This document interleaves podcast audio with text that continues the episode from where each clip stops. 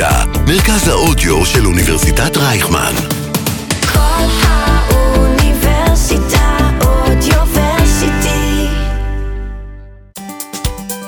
מסביב לעולם ב-40 דקות. מסע פוליטי בין מדינות ותרבויות. עם יוסי מצרי.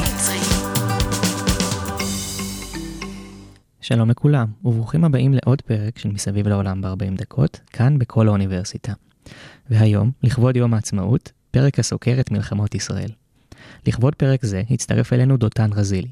דותן, בן 52 מקיבוץ אילון, שירת בצה"ל 28 שנים במגוון תפקידים, בין היתר כמפקד גדוד בשריון, מפקד גדוד בה"ד 1 ומפקד צוות בקורס מפים.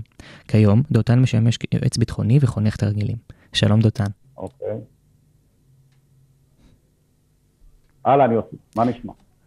בסדר גמור, מה שלומך? אה, אז בעצם. בעצם המלחמה הראשונה שאנחנו נתחיל היא כמובן אה, מלחמת העצמאות. כבר יום אחרי שהמדינה מוכרזת, בן גוריון מכריז על המדינה, מדינה קמה, אה, ישראל נמצאת במלחמה.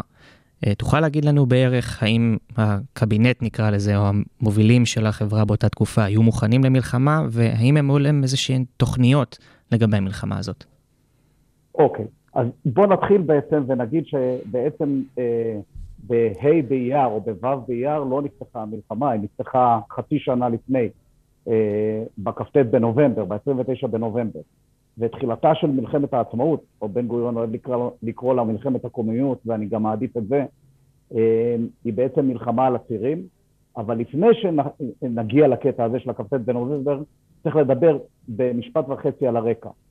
אה, אפשר להתחיל לפני 3,500, אפשר לפני 2,000, אני רק אה, לשני בנובמבר 1917, אה, אה, בתום מלחמת העולם הראשונה, אחרי שהציונות היא כבר משהו שקורה בעולם, ויצמן, בקשריו מהממשל הבריטי, מצליח להשיג, לגבש, לקבל את הצהרת בלפור, שאומרת בשורה התחתונה, יש עם, עם יהודי, יש לו זכות לאומית, והזכות הלאומית הזאת בארץ ישראל. זה ראשית הצירים, ומשם נחזור למלחמת העצמאות. אה, בדרך יש עוד כמה אה, מצבים מלחמתיים. צריך להגיד שהציונות בראשית דרכה לא ראתה את עצמה אה, כתנועה שיש, שהביטחון בראש מעייניה, או שהיא צריכה להתגונן.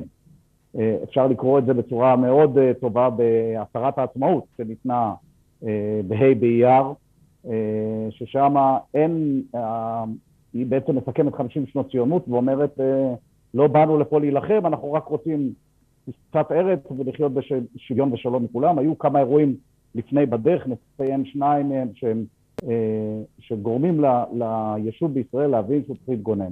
הראשון הוא בראשון במרץ 1920, אה, י"א באדר, אירוע תל חי, שמזעזע את היישוב הקטן, 50 אלף אנשים, ואומר, אה, צריך להתגונן, צריך להיות מוכנים.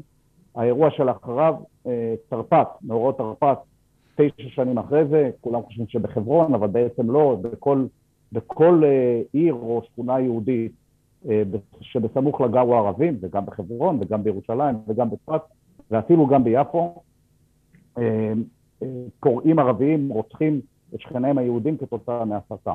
השני האירועים האלה מסמנים עבור התנועה הציונות ובהמשך היישוב וההנהגה שצריך להתגונן ולבנות כוח מגן וצריך להתכונן לדבר.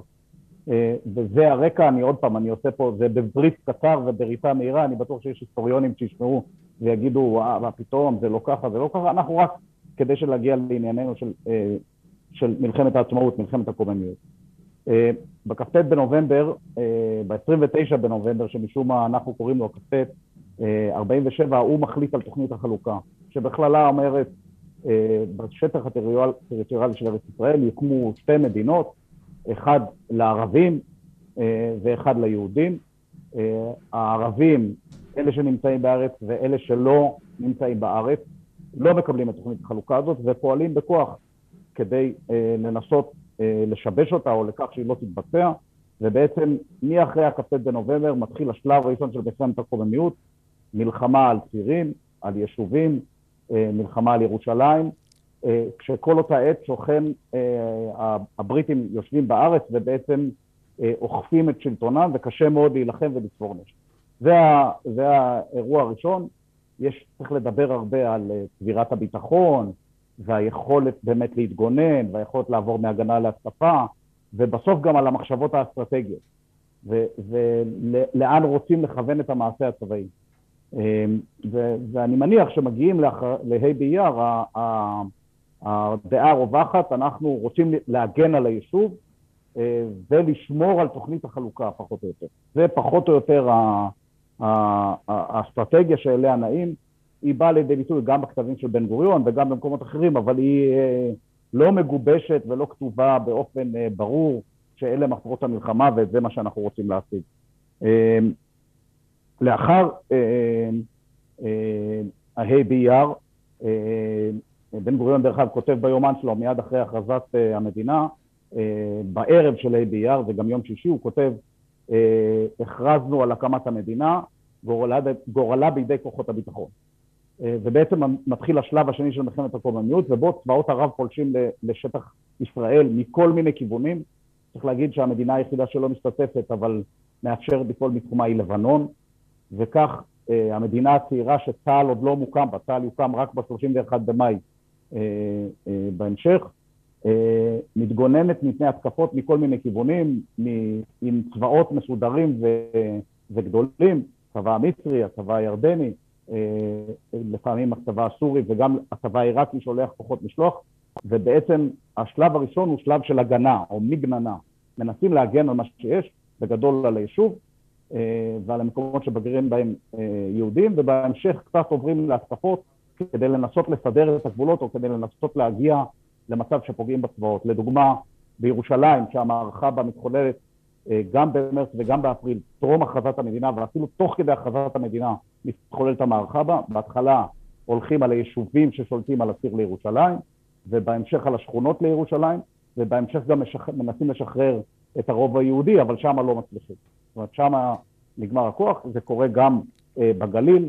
אתמול היינו בתאריך של שחרור העיר צפת, שגם כן היה משמעותי, אה, גם בשפלה, גם בחוף, אה, וגם בנגב, בחלקים מסוימים בנגב, הנגב נשאר מנותק לעוד הרבה זמן. אז זה מלחמת העצמאות. בהתחלה הגנה, אה, אחרי זה פעולה אה, לניסיון להביס את הצבאות הערביים, ורק בסופה, רק בחלק השני, אחרי הפוגה הראשונה, יש הפוגה בין, בחודש יוני 48', רק לאחריה צה"ל מתחיל להתארגן ויוצאים להתקפה במקומות מסודרים ומצליחים לקבע את גבולות המדינה ל-19 שנים הבאות. ולטפל גם בצבאות הערביים.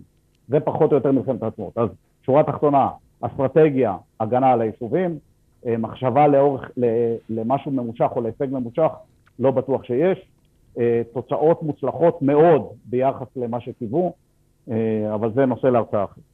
אז בעצם המלחמה הבאה שלנו, אנחנו קופצים טיפה קדימה בזמן, לשנת 1956, מבצע קדש.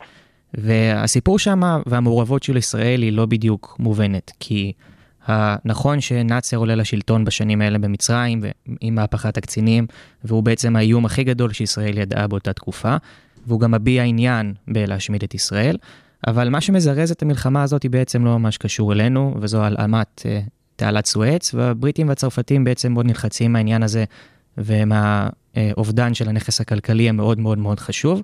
אה, ונוצרת איזושהי ברית בין ישראל, בריטניה וצרפת אה, לתקוף את מצרים אה, ולהשיג איזשהו הישג אולי יותר בריטי-צרפתי מאשר ישראלי. תוכל להגיד לנו בערך מה, מה הנחה את הקו הישראלי ביציאה למלחמה הזאת? אוקיי, okay, אז, אז קודם כל, באמת, כמו שאמרת, הרקע הוא מאוד חשוב. אני אוסיף על הרקע שבעצם זה דעיכת האימפריות הישנות. צרפת ובריטניה יורדות מהבמה כאימפריות משמעותיות, ו... ברית המועצות וארצות הברית הם האימפריות הגדולות שמתחילות לשלוט בעניינים. זה גם יכתיב את סוף המלחמה, כשישראל תכבוש את סיני אה, בסופה, היא תיסוג, כי ארצות הברית אה, תשים לאולטימטום ובכך ייסגר הישג המלחמה. אה, צריך להגיד שמ-48 עד 56 מדינת ישראל קולטת עלייה, מפתחת תעשייה, בעצם מתרחבת ומכפילה את עצמה ועוסקת בהמון דברים, אה, המון דברים שלא רק קשורים לביטחון, אבל העיון הביטחוני ניצב מעל, ולקראת 56 בן גוריון חושב שיהיה נכון אה, אה, לקרות ברית עם, עם הבריטים והצרפתים, לשחק במגרש של הגדולים, אה, וגם אה, להסיר את האיום מדרום ולהרחיק את הצבא המצרי באמצעות זה שקופצים את סיני. מתגבשת מעין קנוניה בינלאומית, אנחנו נפתח במלחמה עם המצרים, או ניזום תהליך שיגרם למלחמה עם המצרים, הצרפתים והבריטים כתוצאה מהאינטרסים שלהם באזור יתערבו, ינחיתו כוחות ויתפסו את תעלת סואץ לכאורה כדי להשמיד את ה... להפריד בין הניסים, ובזמן הזה גם ישחררו את תעלת סואץ מעל המטע ויגרמו לכך שהאינטרסים הכלכליים שלהם מקוימים. צריך להגיד שישראל ביחסים טובים מאוד עם צרפת, היא ספקת הנשק העיקרית שלנו באותה תקופה, שם נשענת, על, על זה ישראל נבנית. אפילו טרום ארצות הברית, והבריטים עם יחסים מורכבים, הם היו פה במנדט ויש פה יחסים מורכבים, אבל ישראל נהנית ל, ל, ל, לרעיון הזה, הוא כמובן מתנהל בסודי סודות, הוא לא משהו שאפשר לפרסם אותו, ויוצאים ב-29 באוקטובר למבצע קדש. צריך להגיד שצה"ל בראשית דרכו, חטיבות בודדות, רובו מושתת על חטיבות חיל רגלים, חיל האוויר וחיל הים מאוד מצומצמים, אבל נוחל הצלחה במצרים וכובש את חצי האי, חצי האי סיני ומגיע כמעט עד לתעלת סואץ, כמו ההסכם עם הבריטים. הבריטים והצרפתים פחות מספקים את הסחורה, נוחתים, המבצע הבריטי נקרא מבצע מוספיטר, אבל חלקו מצליח בסואץ, חלקו מצליח פחות, אבל בשורה התחתונה האמריקאים שמזהים החמרה באזור הזה ולא רוצים להתעסק בנושא, כופים על ישראל נסיגה מסיני, וישראל מחזירה את סיני בפעם הראשונה בתור מדינה. זה יקרה לנו עוד פעם אחת בהמשך עם הסכמי השלום עם המצרים לאחר מלחמת יום כיפור. אז בעצם אנחנו קופצים עכשיו עוד עשור קדימה למלחמה שהיא כנראה עיצבה הכי הרבה את החברה הישראלית. עד היום, מלחמת ששת הימים, אמ, הרקע למלחמה הוא בעצם הרגשה של אה, אובדן ולחץ בציבור הישראלי אה, מקריאות ההשמדה של נאצר, שבאמת מוביל את העולם הערבי ומרגיש שהציבור מרגיש שהוא סוגר על ישראל מכל הכיוונים, אמ, ומדינת ישראל יוצאת למלחמה אה, בהפתעה. המבצע העיקרי הוא כמובן מבצע מוקד של חיל האוויר והשמדת חיל האוויר המצרי על הקרקע ועוד חילות אוויר.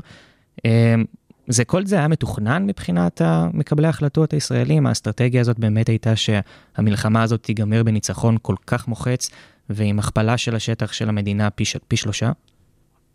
אוקיי. אז, אז אחרי מבצע קדש מדינת ישראל אה, מצד אחד אה, ממשיכה להיבנות, אה, חלק מהקליטת העלייה ממשיך, אבל מדינת ישראל בונה תעשייה ומשפרת את הכלכלה שלה וגם משפרת את הצבא שלה. צריך להגיד שהסכמי השילומים עם גרמניה מזרימים אה, הרבה כסף יחסית למדינה צעירה שאפשר, שיכולה לעשות איתה הרבה.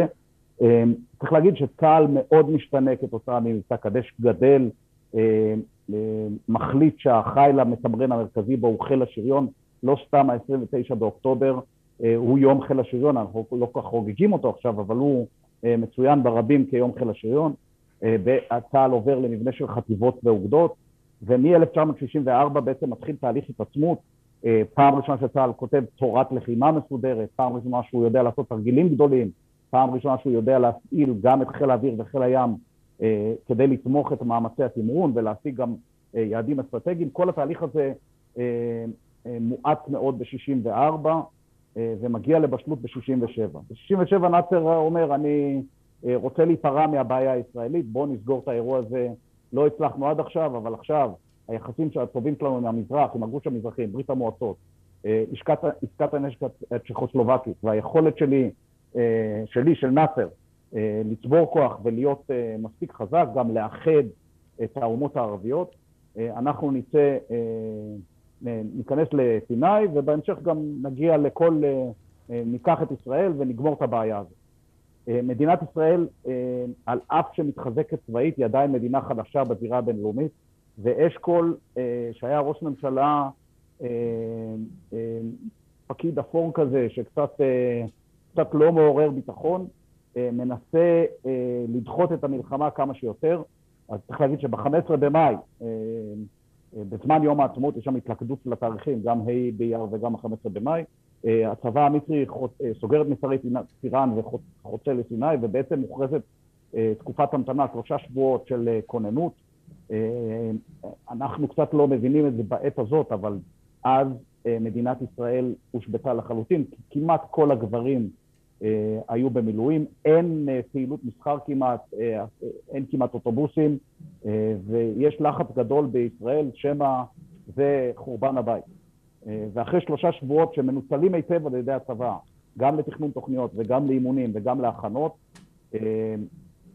ואחרי שאשכול הבין שהוא מיצה את היכולת המדינית שלו למנוע מלחמה, הוא מקים ממשלת אחדות ופוקד על הצבא. צריך להגיד שבאמצע הצבא, היו קצינים בצבא שחשבו שהוא מאחר במתן הפקודה לצאת למלחמה, והיה שם אפילו ספק מרד, מרד של חלק מהקצינים הצבאיים. רבין בתור רמטכ"ל מצליח להחזיק את זה בצורה חזקה מאוד. גם על זה אני מניח שיש אנשים שבנרטיב יגידו שיש נרטיב אחר לסיפור הזה, אבל אה, אה, אה, בתחילת יוני, אה, בשישי ביוני מדינת ישראל יוצאת למלחמת ששת הימים, היא פותחת במכת מנע של מבצע שתוכנן במשך שנים רבות של חיל האוויר, שבעצם לוקח סיכון גדול, מעלה את כל מטוסי חיל האוויר לשמיים, ובעצם משמיד את שדות התעופה ואת מטוסיהם של המצרים, ובהמשך גם הסורים והירדנים, אה, כדי להשיג חופש פעולה לתימוד, ובעצם צה"ל יוצא לה, אה, אה, להתקפה, ובעצם בשישה ימים משיג הישג חזק מאוד, שלא היה צפוי, שאני לא בטוח שנכתב בתוכנית האסטרטגית, אבל הוא כובש את סיני, הוא כובש את כל שטחי הגדה המערבית ומשחרר את ירושלים, וכובש את רמת הגולן, ובעצם משנה את פני המזרח התיכון, ואחרי שישה ימים יש אה, יש, צריך להתמודד עם מצב חדש, אה, יש גבולות ברי הגנה הרבה יותר גדולים, אבל יש, אה, אני מניח שכמיליון פלסטינים שצריך לשלוט עליהם, וטריטוריה מאוד רחבה, ויש גם התאהבות במצב החדש הזה, שמדינה, ממדינה קטנה מאוד, הפכנו למדינה קצת יותר גדולה. אנחנו נשלם על זה בהמשך בתקופת יום כיפור.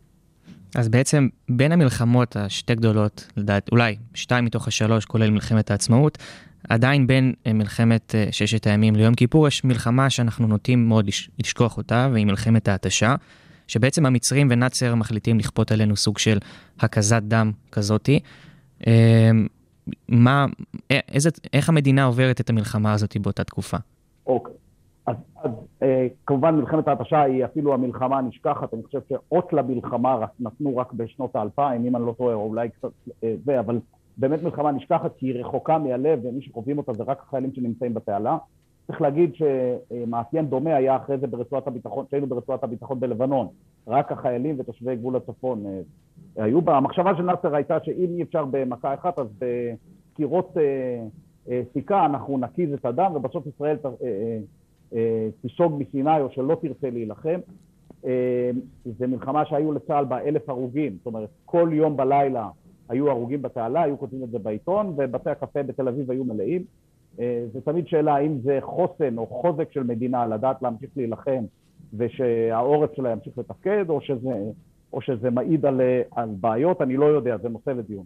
אבל מלחמת ההתשה מתנהלת על רקע אה, הניסיונות של המצרים אה, להשיג הישגים בסיני, ועל רקע זה שצה"ל נמצא בסיני ומגן על המרחב שם, ובעצם המלחמה נגמרת כי שני הצדדים מחליטים שהיה להם מספיק, זה לא יוצא, לא, זה לא נגמר באיזה הסכם הפרדת כוחות או באיזה שינוי טריטוריאלי משמעותי. כן צריך להגיד שמלחמת התשעה שיחקה על הידיים של הצד המצרי וגם הסורי, כי צה"ל קצת כופה על שמריו. וקצת אה, נכנס למצב שהוא חושב שהוא כל יכול ושאין מי שיכול עליו אה, בגזרה, וזה בונה את הסטינג אה, לשלוש שנים אחרי זה, לאוקטובר 73, למלחמת יום כיפור. אז בעצם אנחנו עכשיו מגיעים לאוקטובר 73, מלחמת יום כיפור, כנראה המחדל הכי גדול בתולדות המדינה, והאירוע אולי הכי ידוע לשמצה. מה בעצם קרה שם? איך כל מקבלי ההחלטות הישראלים נכנסו לאיזה זכיחות חוסר יכולת לראות את העתיד.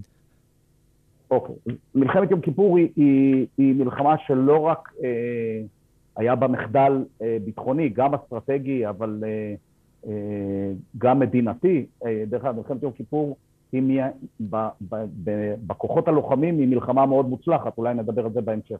אבל היא מלחמה שגם משנה את החברה הישראלית, ובסוף גם מפעילה שלטון של מפא"י שהיה פה הרבה זמן אחרי זה, היא גם מביאה אחרי זה הסכם שלום עם, ה, עם המצרים, שהוא הסכם שלום תקדימי, שגם כן משנה את זה. מלחמת יום כיפור, נאצר מת ומחליף אותו סאדאת, שמגיע עם תוכנית אחרת. הוא אומר, אני לא צריך, אה, על הרקע שאחרי מלחמת התשה יש ניסיונות מצרים לגשש דרך האמריקאים, האם אפשר לעשות חוזה שלום?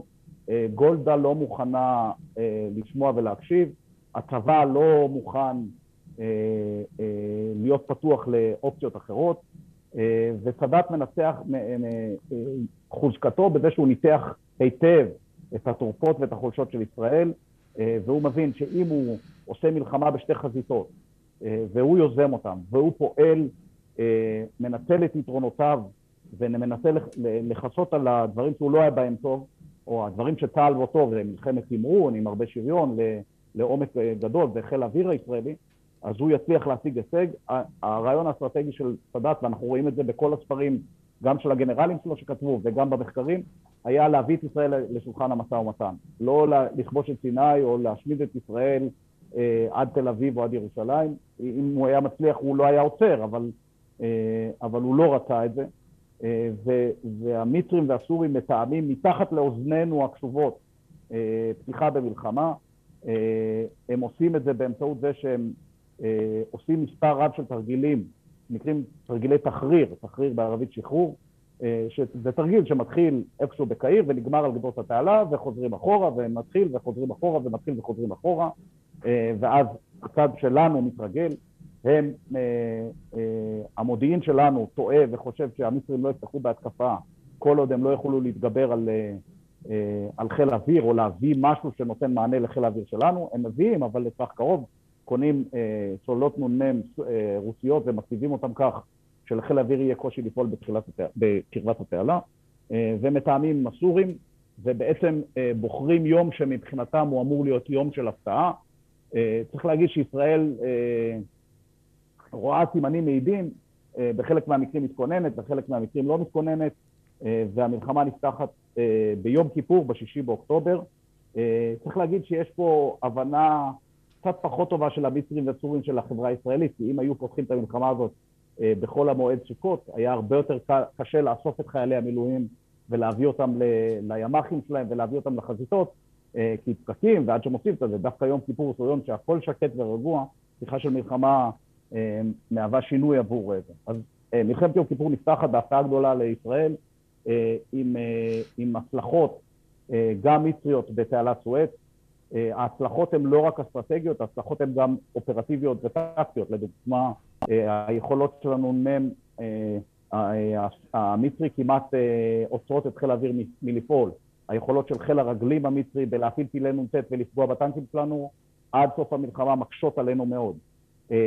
היכולת של הסורים, לדוגמה, לתקוף בכל חזית רמת הגולן, ולא במקום אחד שחשבו שהם יתקפו, אה, מקשה עלינו מאוד, ובעצם חצי מרמת הגולן ביום השני של המלחמה כמעט בידיים הסוריות. צריך להגיד שברמת הגולן, אה, בהחלטה מאוד שקולה של אה, דדו הרמטכ"ל, שהוא הגיבור העלום של המלחמה הזאת, קצת לא מדברים עליו, הוא קיבל את ההחלטות הקשות, נכון שבהתחלה הוא נפל בקונספציה ולא חשב שתיפתח מלחמה, אבל מהרגע שנפתחה המלחמה, האיש אה, עשה את המוטל עליו על הצד הטוב ביותר. אה, ביום, בלילה הראשון של המלחמה מחליט להפעיל את אוגדת העתודה של אה, צה"ל לרמת הגולן, ובעצם ביום השלישי ברמת הגולן, רמת הגולן חוזרת לידיים שלנו, למעט החרמון, אה, אה, שאותו כובשים מחדש רק בסוף המלחמה. אבל בסיני התמונה היא אחרת לגמרי. המצרים חוצים את התעלה ומתייצבים על קו של פחות או יותר עשרה קילומטר, ולוקח לצה"ל הרבה זמן להבין מה קורה בכלל ואיך העסק הזה בכלל עובד. צובע הגנרלים הצבאיים שלהם, שלנו, בראשם אריק שרון, שהוא איש אה, משכמו ומעלה בהיבטים צבאיים, גם לא לוקח זמן לפענח מה רוצים, אה, רק בסוף המלחמה, לקראת סוף המלחמה אה, העסק מתחיל להיות ברור, ואז העובדה של אריק שרון מבקיעה את התעלה, חוצה את התעלה באמצע אבירי לב, ובעצם סוגרים את המצרים בתוך סיני, במקום לנסות להעיף אותם מסיני, עוברים לצד המצרי ובעצם סוגרים ארמיה, קבוצת אוגדות מצרית בתוך סיני, ובעצם זה מביא לסוף המלחמה. בהחלטה האסטרטגית מדינת ישראל מבקשת להתגונן אה, בהחלטה האסטרטגית המצרית, אה, כבר ב-1977 יושבים בקמפ דיוויד וחותמים על אה, הסכם שלום שמחזיר את סיני למצרים, ככה שנראה שדווקא המצרים בסיפור הזה הצליחו לא רע עם האסטרטגיה הגדולה שלהם להביא איזשהו שינוי במזרח התיכון. זה לא שהסכם השלום לא טוב וזה, אבל עובדתית זו מלחמה שהמצרים תכננו אותה, אולי לא הוציאו אותה לפועל כמו שצריך עד הסוף, אבל ביעד האסטרטגי שלהם, סיני שלהם, ולנו יש הסכם שלום. אז בעצם אנחנו קופצים בערך עשור קדימה למלחמה הבאה, שהדמות המרכזית אולי שהייתה במלחמת יום הכיפורים בחזית הדרום, אה, אריק שרון, עכשיו הוא הדמות המרכזית באופן כללי כשר ביטחון, אה, נכון. מלח... מלחמת לבנון הראשונה. אה, וישראל יוצאת למלחמה הזאת בראש ובראשונה כדי לגרש את ארגוני הטרור הפלסטיני מדרום לבנון, שמוציאים פיגועי טרור בלי סוף לשטח ישראל. אבל גם עם סוג של קונספציה כזאת, ואולי רעב להשיג הסכם שלום שני, אה, ולהתערב במלחמת האזרחים הלבנונית, להמליך את הנוצרים, בראשם אה, בשיר ג'מאייל, ולהשיג איזשהו אה, הסכם מדיני או הסכם שלום נוסף. דבר שמתפרש כהחלטה מאוד מאוד גרועה שתהיה, שאנחנו נרגיש אותה גם 20 שנה קדימה. נכון. על הרקע של הסכם השלום עם מצרים והפינוי של סיני, ועל הרקע שלבנון הופכת להיות מקלטם של ארגוני הטרור, אה, הפלסטינים בשלב זה שגורשו מירדן על ידי המלך בספטמבר השחור, בעצם לבנון אה, מתגבשת בה תת מדינה של טרור שמשפיע על, אה, על מדינת ישראל, גם באופן ישיר על יישובי הגבול בקטיושות ובפיגועים, אבל גם לעומק מדינת ישראל עם פיגועים שיוצאים או דרך הים או דרך מקומות אחרים, ובעצם לבנון נתפסת כקן של טרור. וישראל מנסה להתמודד עם זה בדרכים שונות, אבל בתחילת שנות ה-80 די ברור אה, להנהגה שאולי אה, אנחנו מספיק אה, גדולים לשחק במגרש של המדינות הגדולות ובואו ננצל, ניסינו דיפלומטיה, זה לא עבד, בואו ננסה בכוח צבאי לשנות את השלטון בלבנון, שהיא גם ככה ארץ שסועה, קרועה, בעייתית, אבל אולי עם קצת דחיפה וקצת כוח נצליח לעשות את זה.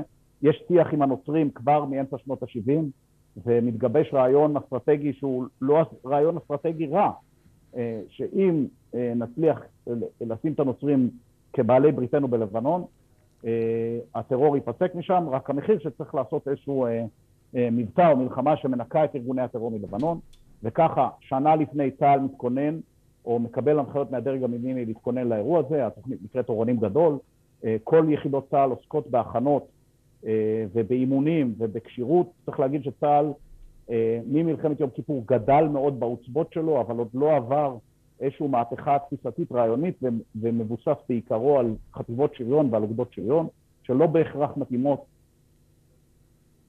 אה, וביוני 1982, אה, אחרי אה, שנה של קטיושות ופיגועי טרור, ואחרי קיץ מאוד קשה, אני זוכר, כי גרתי במקום, אני מכפר בלום, אז אני זוכר את הקטיושות, מדינת ישראל מורה את צה"ל לצאת למבצע.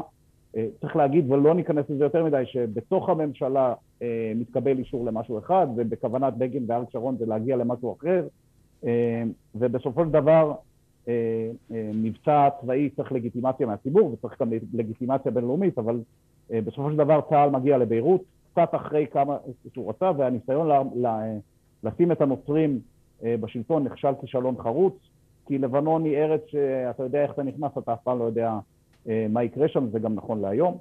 אה, ובסופו של דבר, אחרי אה, הגעה לכביש פירוט דמשק וניסיון להמליך את הנוצרים, צה"ל נסוג לרצועת הביטחון ובעצם שוהה בה 20 שנה כדי, מתוך מטרה להגן על יישובי הצפון מהטרור שמגיע מלבנון. וכך מסתיימת מלחמת לבנון השנייה, היא מסתיימת רק ב-2000, כשאהוד ברק בתור ראש הממשלה מחליט להוציא את הכוחות מרצועת הביטחון. אז בעצם אנחנו באמת נמשכים 20 אה, שנה עם המלחמה הזאת, ובין לבין יש בתחילת שנות ה-90 מלחמה שאם אפשר בעצם להגדיר אותה מלחמה כי לא השתתפנו אקטיבית בהחלטה מאוד מאוד אמיצה של ראש הממשלה יצחק שמיר, אה, וזאת מלחמת המפרץ, ישראל מופגזת בטילים על ידי עיראק וסדאם חוסיין, אה, וראש הממשלה יצחק שמיר מחליט לא להתערב כדי לא להפיל את הקואליציה שנשיא ארה"ב ג'ורג' בוש בנה בשביל להילחם בסדאם חוסיין. היית מגדיר את זה נכון. בעצם כ- כמלחמה אקטיבית של ישראל, או שזה איזושהי אפיזודה אני קצרה? אני מניח שכן. אה, אה, אני, אה, יש הרבה דרכים להגדיר מלחמה, אבל עובדתית החיים במדינת ישראל באותו דצמבר-ינואר לא היו אותו דבר. ולכן זה איזשהו כן מלחמה. זה גם כן אירוע חריג שבו קואליציה של מדינות שאנחנו תומכים בהן, נלחמות במישהו שהוא אויב שלנו, אבל הוא ממעגל שני ורחוק, והוא מנסה לשבש את הקואליציה דרך ירי טילים עלינו. צריך להגיד, ואפשר כבר לספר את זה, שצה"ל הכין תוכניות אופרטיביות להשתתף או להגיע לעיראק עם כל מיני, זה פורסם ברבים ולכן זה, זה לא סוד, אבל זו מלחמה מאוד חריגה שמעידה שיש קצת התפתחות בעניינים הצבאיים והחזית היא לא רק החזית אלא גם העורף הוא חזית אה, ובסוף יורים טילים על עורף ישראל, ואני מניח נתן הרבה רעיונות לאויבינו בעת האחרונה. אה, אה, ועם זה, ההחלטה של יצחק שמיר בעצם משמר את הקואליציה ומאפשרת לאמריקאים למוטט את שלטונו של סדאם ולשנות את הפנים בעיראק. צריך להגיד שהאמריקאים הם פעם ראשונה ב-91 וגם ב-2003 הם חוזרים לשם עם קואליציה יותר מצומצמת לסיים את מה שהם לא הצליחו לעשות ב-91. אז בעצם אנחנו עוברים לתחילת שנות האלפיים, אה, ישראל יוצאת מלבנון, וכמה שנים אחר כך, אה, בעצם אולי אפילו די צמוד, פורצת האינתיפאדה השנייה. אה, תקופה באמת איומה, פיגועי טרור איומים, שבסופם ממשלת ישראל מחליטה לצאת למבצע חומת מגן, או שאפשר להגיד שזה בעצם מלחמה, כי המצב פה באמת היה מצב של אוקיי. מלחמה. מה תכננו להשיג? אוקיי, אז אז uh, הסכמי אושלו uh, מביאים להקמת הרשות הפלסטינית, שלא פועלת בדיוק כמו שאנחנו רוצים עם דיכוי הטרור, ויש גל טרור מחריד בישראל שמבוסס על מחבלים מתאבדים, שהוא נשק, הכי, הפצצה הכי חכמה שיכולה להיות, ובסופו של דבר, uh, בדיוק לפני עשרים שנה, uh, בפסח, בפסח, אחרי פיגוע מזעזע במלון פארק, אה, מדינת ישראל מבינה שאי אפשר יותר אה, אה, לכבד את ההסכם עד תומו וצריך ללכת לכבוש חזרה את הערים הפלסטיניות ולנסות לטפל באותם טרוריסטים בכוחות עצמנו ובעצם יוצאת לחומת מגן. אני לא חושב שחומת מגן הוא מלחמה כוללת. העורף אכן הושפע מפיגועי טרור, אבל הוא הושפע הרבה לפני חומת מגן, וגם סדר הכוחות של חומת מגן היה יחסית קטן, אני חושב שהשתתפו בו רק שלוש אוגדות. מהר מאוד צה"ל מצליח להשתלט על, על ערי על הערים הפלסטיניות, זה בעצם משנה מהיסוד את אה, תמונת הטרור, תראו איך אנחנו חיים היום ואיך חיינו אז, זה שינוי אחר, זה מצב אחר לגמרי, אבל זה בהחלט מבצע שצה"ל אה, מתכונן אליו, שאול מופז בתור המצ"ל מתכונן שנה, מכין את הכוחות, מכין את הגייסות, עושה את התרגילים המתאימים, אה, זה מלחמה מאוד, מאוד מורכבת, או, או, או מבצע מאוד מורכב, כי יש מעט טרוריסטים והרבה אזרחים בלתי מעורבים, וכל פגיעה באזרחים היא אי עמידה במשימה, אבל מצד שני גם צריך לפגוע בטרור, אה, וצה"ל מצליח ל... אה, למצוא את הדרך לעשות את זה, והוא עושה את זה בצורה די אפקטיבית ודי מהירה, ומשנה מהיסוד את מצב ביטחון הפנים בישראל אה, אחרי חומת מגן. אז המלחמה הבאה שאחרי חומת מגן קורית די, די בצמוד, ואני בספק אם שני הצדדים בכלל תכננו להיכנס למלחמה הזאת, uh, וזאת מלחמת לבנון השנייה. אה, חיזבאללה מבצע פיגוע טרור על גדר הגבול ובעצם חוטף שלושה חיילי מילואים, דבר שמכניס את מדינת ישראל ולבנון למצב של מלחמה, שלדעתי חיזבאללה לא באמת הבינו את אה, חומרת המצב. אה, איך מדינת ישראל מקבלת את המצב הזה? אוקיי, okay, אז קיץ 2006 הוא, הוא הבמה למלחמת לבנון השנייה, בעצם חיזבאללה מכין פיגוע טרור אה, משוכלל ו... וקפדני, הוא עוקב אחרי חיילי צה"ל במשך כחצי שנה, אה, ובסוף מוציא לפועל תוכנית שבו הוא אה, עושה פשיטה על שני רכבי סיור של חיילי מילואים מחטיבה חמש, וחוטף את גולדווסר ורגב, חוטף שני אנשים. אנחנו מניחים שהם היו, אנחנו לא יודעים להגיד את זה בוודאות, אבל אנחנו מניחים שהם כבר היו לא בין החיים בזמן שהם נחטפו ללבנון, ובעצם מדינת ישראל אה, אה, חובה פיגוע אסטרטגי, אה, וראש הממשלה מורה את צה"ל לצאת, ל, לצאת למלחמה. מטרותיה, כפי שהוגדרו על ידי ראש הממשלה בנאום פומבי, הם להשיב את החטופים ולשנות את המצב האסטרטגי בגבול הצפון. והמלחמה תופסת את צה"ל אחרי שנים של התעסקות ביהודה ושומרון ומעצרים, עם פחות אימונים ופחות מיומנות, ובעצם צה"ל לא במיטבו, והמלחמה לא... צה"ל מתקשה לתמרן או מתקשה להביא הישגים משמעותיים, מה גם שהיעדים האסטרטגיים של המלחמה הם לא בהכרח ברורים, מה זה להחזיר את החטופים, אה, נגיע עד לביירות וננסה למצוא אותם. אה, שינוי המצב האסטרטגי שחיזבאללה לא יהיה לגבול הוא בהחלט אה, משהו שניתן להשגה. צה"ל יוצא למלחמה ומנסה בהתחלה רק לכבוש שטחים מסוימים, ואז אולי להתקדם להמשך. ה-20 שנה של רצועת הביטחון מעיקות על מקבלי ההחלטות ומעיקות על המתכננים להבין ומשפיעות על איך זה, אבל בסופו של דבר אחרי 33 ימים מגיעים לאיזשהו הישג קרקעי משמעותי, מרחיקים את החיזבאללה, פוגעים בו פגיעה מאוד משמעותית, אנחנו קצת שוכחים את זה, אבל החיזבאללה בין 700 ל-1,000 לוחמים הרוגים זה פגיעה מאוד גדולה לארגון כזה קטן. את החטופים לא מצליחים להחזיר אלא בעסקה מספר שנים אחרי זה, והמראה שהמלחמה הזאת שמה בפני צה"ל משנה את סדרי האימונים ואת סדרי הכוחות בצורה מאוד רצינית. האם הושגו המטרות האסטרטגיות? אני חושב שכן, כי חיזבאללה מאוד השתנה אחרי מלחמת לבנון השנייה.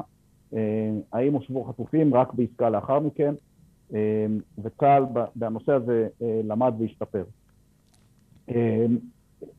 ומפה מתחילה, בעצם מתחיל עידן שבו מדינת ישראל, לשמחתנו, לא חווה מלחמות נגד מדינות, לא חווה מלחמות נגד צבאות, אלא נגד צבאות טרור מסוגים שונים, אם זה ברצועת עזה ואם זה בלבנון.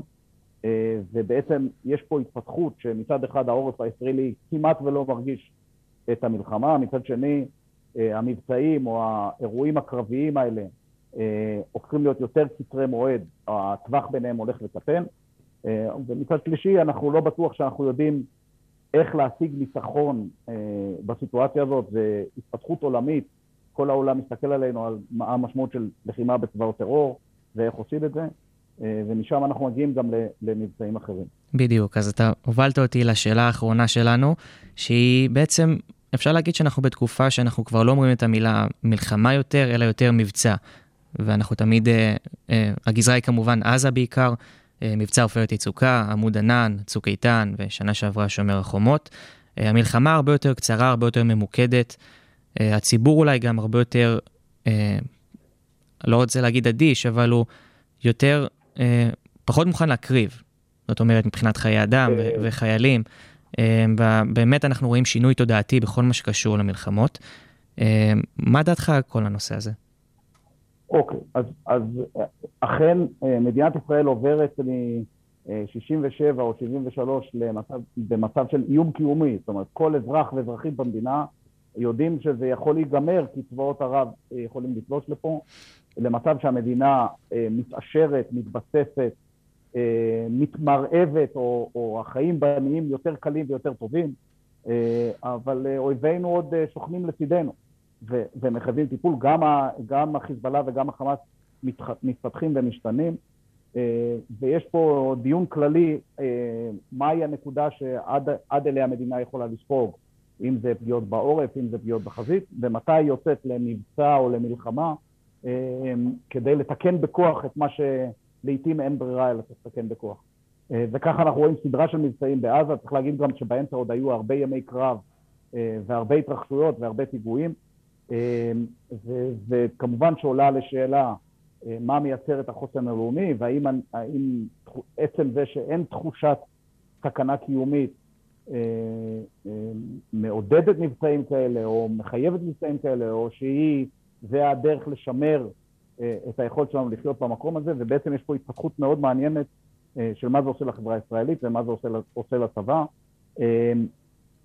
אני יכול להגיד ש, שכל מבצע בעזה יש לו את המאפיינים שלו, חלקו עוסק רק באש מנגד ובהפעלת חיל אוויר, חלקו עוסק גם בתמרון כזה או אחר למול בעיות מקומיות, לדוגמת צוק איתן, התמרון בו היה 1,000, 1,200, 2,000 מטר לתוך רצועת עזה, זה לא מה שאנחנו מצפים שצה"ל ידע לעשות, אנחנו מצפים שהוא ידע ויכול לעשות הרבה יותר. חלקו מתבסס על טכנולוגיה שהולכת וכובשת חלק גדול מהיכולת של צה"ל להשפיע על האויבים שלנו, שזה לא רע בכלל, אבל לפעמים גם אין ברירה, אלא צריך אנשים, לוחמים ולוחמות על הקרקע נלחמים. ויש פה התפתחות מעניינת של השנים הקרובות של איך אנחנו נגן על עצמנו, ומצד שני איך אנחנו נחיה פה.